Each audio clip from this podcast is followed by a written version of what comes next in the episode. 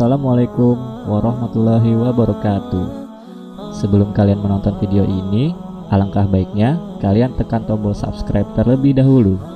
Dan jangan lupa tekan loncengnya agar kalian mendapatkan notifikasi untuk upload video terbaru selanjutnya.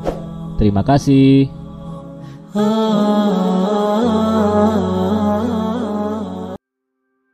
akhir zaman.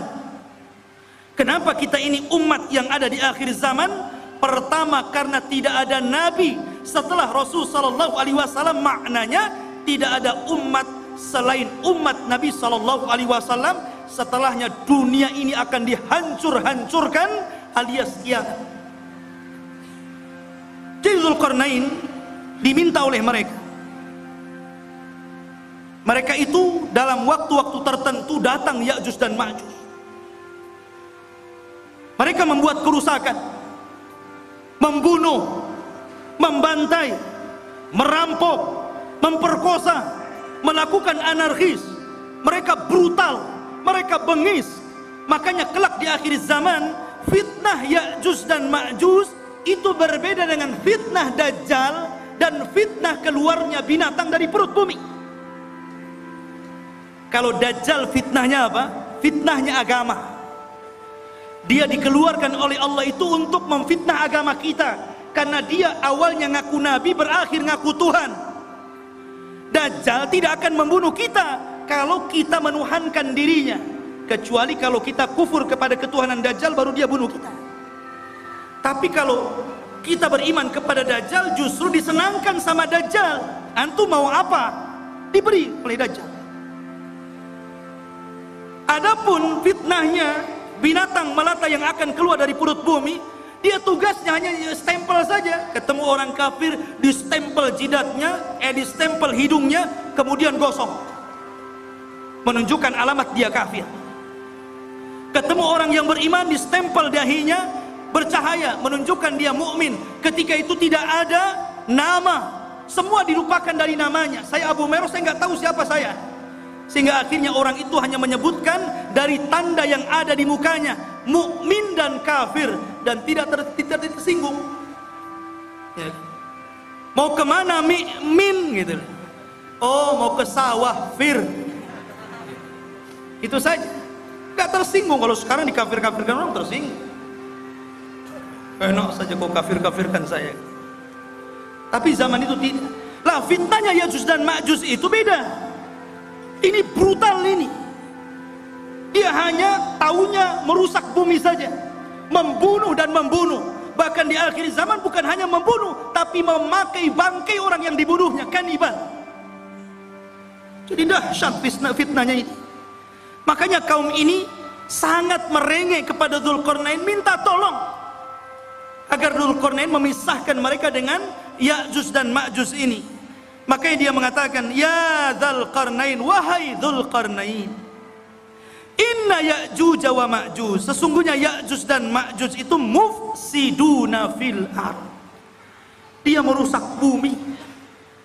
Kata para ulama, mentafsirkan ketika memaknai apa yang dimaksud merusak di situ, ada yang mengatakan yang dimaksud merusak di situ adalah sebagaimana yang dikatakan Wahab ibn Munabbi bahwa mereka yaf'aluna amala qaumi Lut.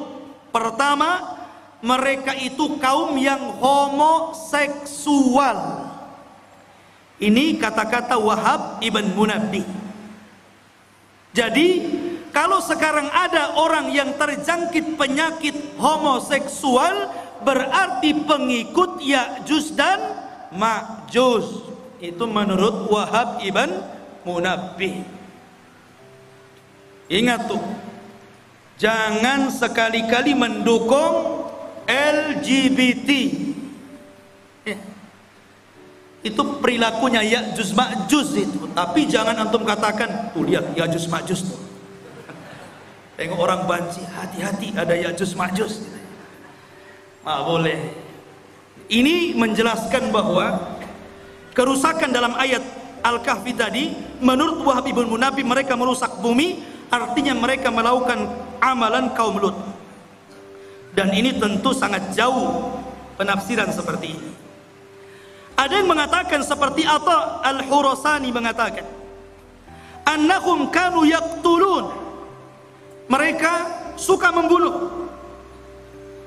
Dan juga dikatakan Muqatil ibn Sulaiman, annahum kanu ya'kuluna nas. Mereka membunuh dan memakan orang yang dibunuhnya kanibal. Menurut Muqatil ibn Sulaiman. Dan boleh juga digabungkan tiga-tiganya. Mereka suka melakukan amalan kaum Lut dan mereka suka membunuh, membantai dan mereka juga kanibal memakan orang yang dibunuhnya alias kanibal. Itulah kerusakannya Ya'juj dan Ma'juj. Ada orang makan orang? Di zaman sekarang kan ada juga ya. Di YouTube itu daerah mana itu? Pasar jual beli daging orang. Ih, ngeri juga ya. Waktu ini muliakan Allah Azza wa Maka mereka mengatakan, Fahal naj'alu laka kharjan. Bagaimana kalau kami sediakan upah untuk wahai Dzulqarnain? Ala an taj'al bainana wa bainakum saddan agar kau jauhkan kami dengan mereka buatkan benteng. Karena mereka datang dari sana buatkan benteng supaya mereka tidak menyerang kami lagi. Subhanallah. Mereka siap menyediakan upah kepada Dzulqarnain. Buat apa Dzulqarnain ini sudah kaya? Pasukannya banyak orangnya cerdas berilmu dan Allah berikan segala sesuatu keinginannya buat apa upah Makanya Dzulqarnain mengatakan dengan mengatakan kepada mereka, qala ma makkani fihi rabbi khairun. Tidak usah. Enggak perlu kalian memberikan upah apa yang telah Allah berikan dari kekuasaan dan kekuatan ini sudah cukup untukku. Ini kebaikan anugerah nikmat yang luar biasa. Enggak perlu. Nih, seorang raja harus seperti itu. Jangan menyusahkan masyarakat harus memberikan kesenangan kepada masyarakat. Masyarakat muslimin yang dimuliakan Allah Azza wa Jalla. Tetapi Zulkarnain hanya mengatakan fa'inuni bikuwatin aj'al bainakum wa bainakum radma. Tetapi tolong bantu aku. Sediakan orang-orang kuat di antara kalian untuk kerja bakti bersamaku. Nanti aku akan jadikan antara kalian dengan Ya'juj dan Ma'juj itu dinding pemisah supaya dia tidak menyerbu kalian lagi. Inilah jiwa besar seorang pemimpin. Ya, membangun sebuah bangunan yang luar biasa yang belum pernah dibangun orang-orang sebelum dan setelahnya. Bahkan bangunan itu sendiri tidak tahu siapa yang tahu, nggak ada yang tahu. Sampai sekarang kan nggak ada yang tahu. Walaupun berbagai macam ilmuwan meneliti dengan kecanggihan alat-alat di zaman sekarang, dengan teknologi transportasi yang memudahkan mereka untuk berpindah satu negeri ke negeri yang lainnya, sampai sekarang masih gaib. Masih belum ditemukan agak-agak kira-kira saja. Mungkin di sini, mungkin di situ. Sampai-sampai Imam Ibnu Katsir meriwayatkan sebuah kisah Raja Abbasiyah di mana Raja Abbasiyah itu mereka mengirimkan pasukan untuk mencari di mana bentengnya yang dibangun Dzulqarnain ketika mengurung Ya'juj dan Ma'juj mengirim delegasi dan dikatakan oleh Raja Al-Wasik ketika itu sebagai penguasanya sebelum kau ketemu benteng itu jangan pulang Akhirnya berangkat tuh pasukan itu. Dari satu negara ke negara berikutnya, dari satu daerah ke daerah berikutnya, menyeberangi lautan, menyeberangi gunung dan begitu seterusnya, sampai akhirnya selama dua tahun baru ditemukan benteng tersebut. Tapi Ibnu Katsir sendiri tidak menyebutkan sanad riwayatnya, sehingga tidak bisa dijadikan pegangan kisah ini. Allahu alam ada di mana. Yang jelas sudah ada. Ya. Walaupun sebagian para ulama seperti Lajnah Daimah dan juga Syekh bin Bas rahimahullahu taala ketika ditanya tentang di mana sebenarnya benteng yang dibangun Zulkarnain itu? Yang mengurung padanya Ya'juj dan Ma'juj dan akan keluar di akhir zaman? Maka Syekh bin Bas hanya mengatakan min kibalil masyrik dari arah timur maksudnya kota Madinah. Kalau antum berada di Madinah ke arah timurnya. Kemudian diisyaratkan ke daratan Cina. Ke daratan Cina ya. Ada yang mengatakan bahwa benteng itu terletak di daerah daratan Armenia. Ada yang mengatakan Adribajania di daerah Georgia ya. Itu sebagian ulama mengatakan seperti itu. Tetapi sekali lagi tidak bisa ditegaskan seperti itu. Cuman dari arah timur. Apakah Cina? Tidak. Ya'juj Ma'juj bukan Cina. Walaupun ada sebagian orang yang melihat ciri-ciri daripada hadis Rasul kok ciri-ciri itu melekat kepada orang-orang Asia? Orangnya pendek mukanya bulat matanya sipit jangan-jangan saya pula bukan. Ya'juj dan Ma'juj itu belum keluar. Kalau Cina sudah keluar dari dulu ya. di mana-mana. Dia belum keluar dan dia di balik tembok. Dan kelak akan dikeluarkan Allah di akhir zaman. Bukan sekarang di akhir zaman. Karena Ya'juj dan Ma'juj itu Allah keluarkan setelah Allah hancurkan bentengnya itu ketika setelah Isa bin Maryam turun itu pun pasca terbunuhnya Dajjal. Dajjal dibunuh dulu baru setelah itu selang beberapa waktu Isa dan kaum muslimin diuji lagi oleh Allah tiba-tiba runtuh daripada apa yang sudah dibangun Dzulqarnain sadnya ini bendungannya ini bentengnya ini. Akhirnya dari situ min kulli hadabin yansilun maka mereka keluar dari benteng itu seperti bah yang turun dari bukit saking banyaknya gitu.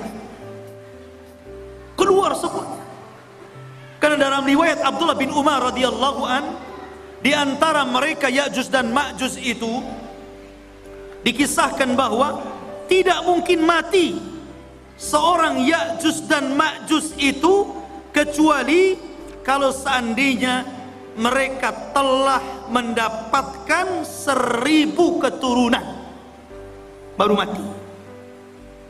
Ya. Jadi kalau seandainya keturunannya sudah seribu baru dia mati. Itu dalam sebuah azab makanya wajar kalau jumlah mereka banyak. Ketika Adam alaihi salatu wassalam dipanggil oleh Allah dan mengatakan ya Adam akhrij bi'thanna Wahai Adam keluarkan utusan-utusan neraka. Adam kaget ya Rabb wama nar? Apa utusan neraka itu? Maka Allah mengatakan setiap seribu penduduk neraka keluarkan satu orang dan masukkan ke dalam sorga. Artinya 999 masuk neraka dan satu masuk sorga. Ketika itu Allah mengatakan kepada Adam satu dari kalian dan 999 dari Ya'juj dan Ma'juj jadi jumlah mereka banyak jadi kalau antum mau perang dengan Ya'juj dan Ma'juj itu satu dari antum dikeroyok dengan 999 Ya'juj dan Ma'juj kira-kira menang atau keok tuh? Antum 10 orang saja mati antum. Apalagi 999 lawan satu kan gitu. Lain kalau antum lawannya pakai rudal kalau tangan kosong nggak mungkin antum. Tapi di zaman itu nggak ada rudal, nggak ada nuklir. Semua kembali kepada peralatan manual, pedang, panah, tombak, kuda, unta. Sehingga susah melawan mereka. Dan itulah apa yang disabdakan Rasul akan muncul sebuah kaum yang tidak bisa engkau perangi.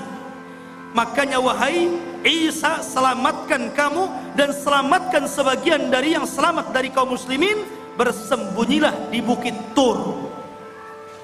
Akhirnya Isa pun menyembunyikan diri dan kaum muslimin di bukit. Lah Dzulqarnain ini akhirnya membuat benteng yang sangat kokoh sekali. Kemudian sifat bentengnya dijelaskan. Atuni zubural hadid hatta idza sawa baina sadafaini qala fuhu hatta idza ja'alahu naran qala atuni ufrig alaihi qitra. Maka Zulkarnain berkata Berikanlah kepadaku potongan-potongan besi sehingga apabila besi itu telah sama rata dengan kedua puncak gunung seolah-olah main las kayak orang las gitu kan besi itu dibuat ditancap-tancapkan kemudian dilas satu dengan yang lainnya sehingga menjadi sebuah benteng. Kemudian ketika tinggi besi itu sama dengan gunungnya berkatalah Dzulkarnain tiupkanlah api. Hingga apabila besi itu sudah menjadi merah seperti api dia pun berkata berikanlah kepadaku tembaga yang mendidih agar kutuangkan ke atas besi panas tersebut. Kokoh sekali. Inilah dinding yang tidak bisa dijebol. Sampai Ya'juj dan Ma'juj sendiri gak bisa jebol dinding itu. Di zaman Nabi SAW Rasul pernah mendengar sebuah gelegar suara. Suara yang menggelegar. Kata Sofia kata Nabi kepada Sofia wahai Sofia tahukah kamu suara apa ini kata Sofia mengatakan tidak tahu Allah dan Rasulnya yang kata Nabi itulah suara suara bentengnya Ya'juj dan Ma'juj dan dia berhasil melubangi kemudian Rasul menyebutkan seperti ini dia sudah bisa melihat kita dari lubang seperti ini jadi Ya'juj dan Ma'juj itu sudah bisa melubangi seperti ini kata Rasul ngeker dari dalam. Nah, ah, ini Abu Fulan. Ini Abu Fulan. Dikeker. Dan subhanallah karena kokohnya benteng itu Ya'juj Ma'juj itu setiap hari melubangi untuk keluar dari situ. Jadi kalau di pagi hari dia datang dengan kumpulan-kumpulan arsitek khusus yang lubangi gua itu dari kalangan Ya'juj dan Ma'juj mereka ngebor tuh dengan alat yang mereka punya ketika sudah kecapean gitu kan hampir mereka sedikit lagi. Dan waktu sore mereka kemudian kembali ke rumahnya. Besoknya bolongan itu balik lagi ke asalnya. Dan seperti itu hampir mereka putus asa karena tidak bisa melubangi dan tidak bisa keluar dari gerbang. Sampai akhirnya di akhir zaman ketika pemimpin Ya'juj dan Ma'juj itu hendak memimpin untuk melobangi dan keluar dari benteng itu kata pemimpinnya besok kita akan kerja lagi insya Allah pemimpinnya diilhamkan untuk mengucapkan insya Allah subhanallah. Ketika pemimpinnya diilhamkan untuk mengucapkan insya Allah jebol benteng itu. Akhirnya mereka keluar sehingga ketika mereka turun dari bukit itu dan mengarah ke Palestina. Kemudian yang pertama mendarat di sebuah danau Tiberias atau danau Buhaira. Diminum itu kelompok yang pertama paling depan yang tengah dan yang belakang ketika sampai di danau itu sudah nggak kebagian air. Dan mereka mengatakan kan tadi masih banyak kenapa sudah habis? katanya. Saking banyaknya pada danau itu bisa menghidupi jutaan jiwa yang ada di sana. Tapi sekali teguk gelombang yang pertama habis ludas saking banyaknya yang dan Ma'juj. Lihat bagaimana kuasa Allah Azza wa Jalla. Maka Allah mengatakan, "Famastata'u an yadhharuhu wa mastata'u lahu nakba." قال هذا رحمة من ربي فإذا جاء وعد ربي rabbi ja'ala hudakan wa kana wa'du maka di sini Allah Subhanahu wa taala mengatakan Zulkarnain berkata dalam ayat ini famastata'u lahu an yadharuhu Ya'juj dan Ma'juj itu tidak mungkin sanggup untuk menghancurkan benteng itu. Tidak sanggup. Karena yang menghancurkan atas izin Allah kan. Jadi tidak ada yang sanggup kecuali Allah Azza wa Jal dan itu pun atas kehendak Allah Subhanahu wa taala. Makanya Dzulqarnain mengatakan hadza rahmatun min rabbi ini semua karena rahmat Allah Subhanahu Dengan kecerdasan Dzulqarnain, kebesaran Dzulqarnain, banyaknya pasukan yang dimiliki Dzulqarnain, ilmu yang dikuasai Dzulqarnain, tetap dia mengatakan ini rahmat dari Allah. Ya, tawadu, rendah diri, masih mengakui rahmat ini datang dari Allah. Jangan seperti Korun yang mengatakan innama utitu min ilmin indi. Kekayaan ini datang dari ilmu yang saya miliki katanya. Jangan seperti Korun. Dzulqarnain tetap mengatakan ini rahmat dari Allah Subhanahu wa taala. Muslimin yang dimuliakan Allah Azza wa. Itulah kilasan daripada cerita Dzulqarnain. Sedikit kita cerita tentang Ya'juj dan Ma'juj. Ya'juj dan Ma'juj adalah keturunan daripada salah satu putra Nuh alaihi salatu wassalam namanya Yafis ibn Nuh. Nuh memiliki empat putra. Ham, Syam, Yafis, Kanaan. Tapi Kanaan kafir dan tidak masuk ke perahu akhirnya mati diterjang ombak dan tufan. Sehingga yang selamat adalah Ham, Syam dan Yafis. Dari keturunan Syam inilah lahir para nabi dan rasul. Dari keturunan Ham ini lahirlah orang-orang yang berkulit hitam. Dan dari keturunan Yafis inilah lahir bangsa Asia. Salah satunya kabilah Ya'juj dan Ma'juj. Salah satu dari keturunan kabilah Yafis adalah Ya'juj dan Ma'juj dan semuanya masuk neraka. Tidak ada yang masuk surga. Ya, karena mereka diciptakan untuk membuat fitnah. Sama dengan Dajjal. Ya. Masyarul muslimin yang dimuliakan Allah Azza wa Jalla. Kalau kita tahu bahwa Ya'juj dan Ma'juj adalah keturunan Yafis ibn Nuh, dari sini maka kita katakan Ya'juj dan Ma'juj itu manusia. Bukan binatang. Apalagi tumbuh-tumbuhan. Dia manusia dan bukan jin. Karena sebagian para ulama mengatakan sebagaimana dinukilkan oleh sebagian para ulama seperti dikatakan Ka'ab al-Akhbar. Ka'ab al-Akhbar ini seorang ulama yang masuk Islam di zaman Umar ibn al-Khattab. Kunyahnya Abu Ishaq dan dia banyak menukilkan ilmu ahli kitab dan dia banyak diterima riwayatnya. Ada beberapa riwayat yang ditolak karena Israiliyat. Salah satu kisah Israiliyatnya Ka'ab al-Akbar mengatakan bahwa Ya'juj dan Ma'juj itu terdiri dari tiga golongan. Kelompok yang pertama tingginya seperti syajaratul aruz.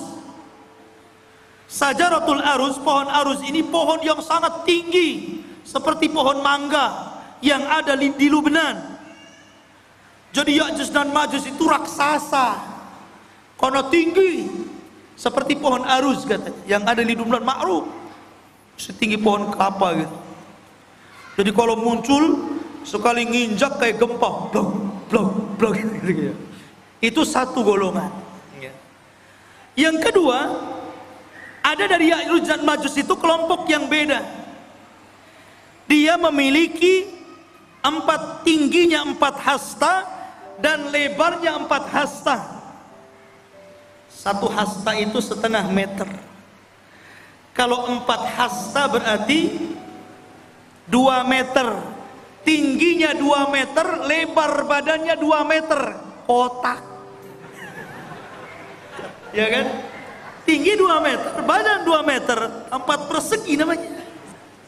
Ya. Sepompok. Kemudian yang ketiga katanya dia adalah makhluk yang memiliki dua telinga yang lebar. Satu telinganya untuk mencari mangsa dan satu telinganya untuk selimut badannya ketika tidur. Saking lebar telinganya itu. Semana itu bentuknya. Ini satu pendapat dari Ka'ab al-Akhbar. Ada juga pendapat dari Abdullah bin Abbas radhiyallahu an mengatakan, Ya'juj dan Ma'juj itu bukan besar, tapi dia orang kerdil. Ada satu kelompok itu tingginya cuma satu jengkal. Ada yang dua jengkal, paling tinggi tiga jengkal. Segini. Tinggal ditendang saja. Itu satu pendapat. Tapi yang jelas bahwa ini hanya istiad-istiad para ulama. Pendapat yang kuat kita mengambil berdasarkan dohir hadis.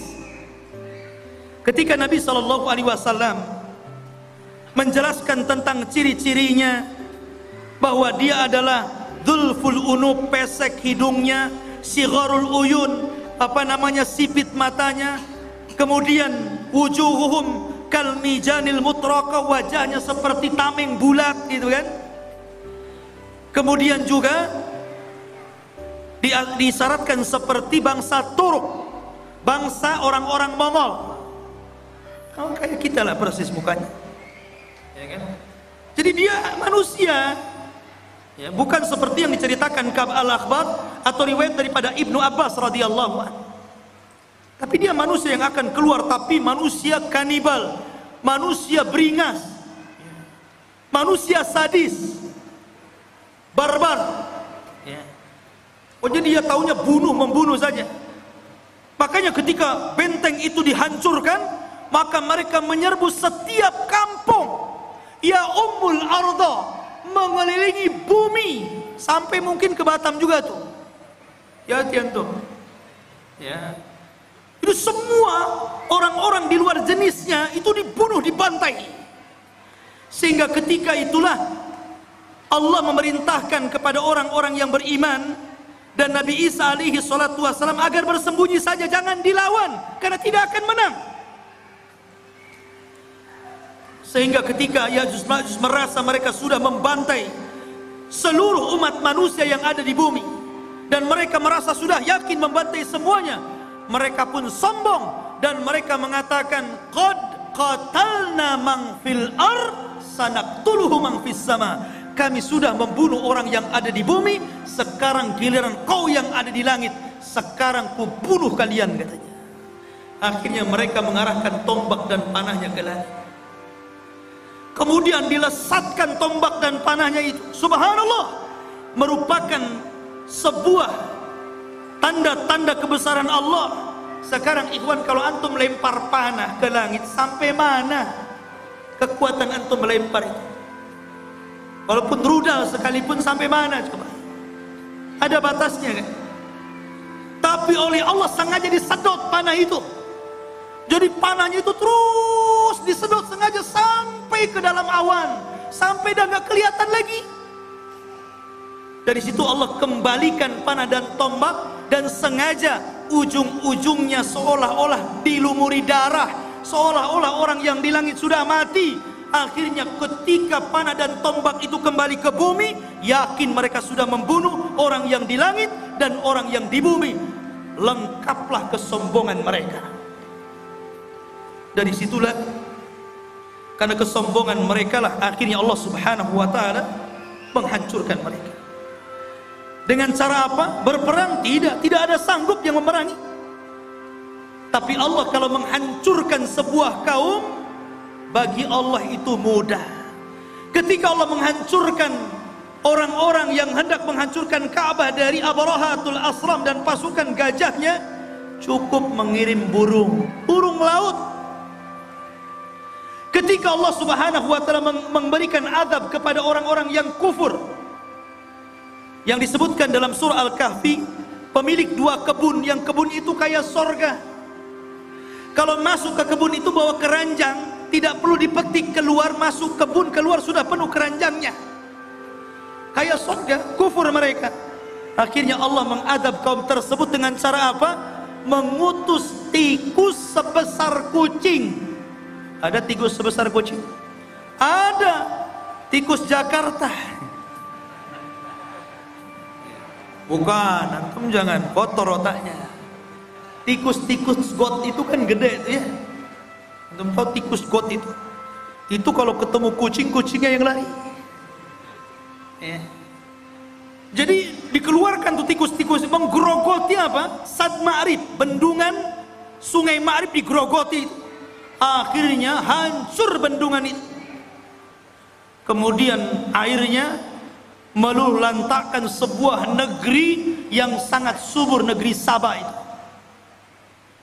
Dan tidak ditanami kecuali sedikit akhirnya semuanya menjadi rata dan tidak ada yang tersesat tumbuhan kecuali hanya pohon bidara, sidrin dan beberapa pohon yang tidak ada manfaat. Begitu juga ketika Allah menghancurkan Ya'juj dan Ma'juj. Apa yang Allah kirim?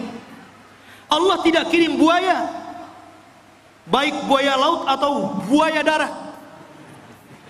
Allah tidak kirim harimau. Allah tidak kirim gajah.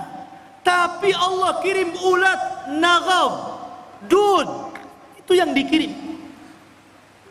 Ketika Ya'juj dan Ma'juj tertidur di malam hari, rupanya Allah kirim ulat kemudian masuk ke dalam tengkuknya.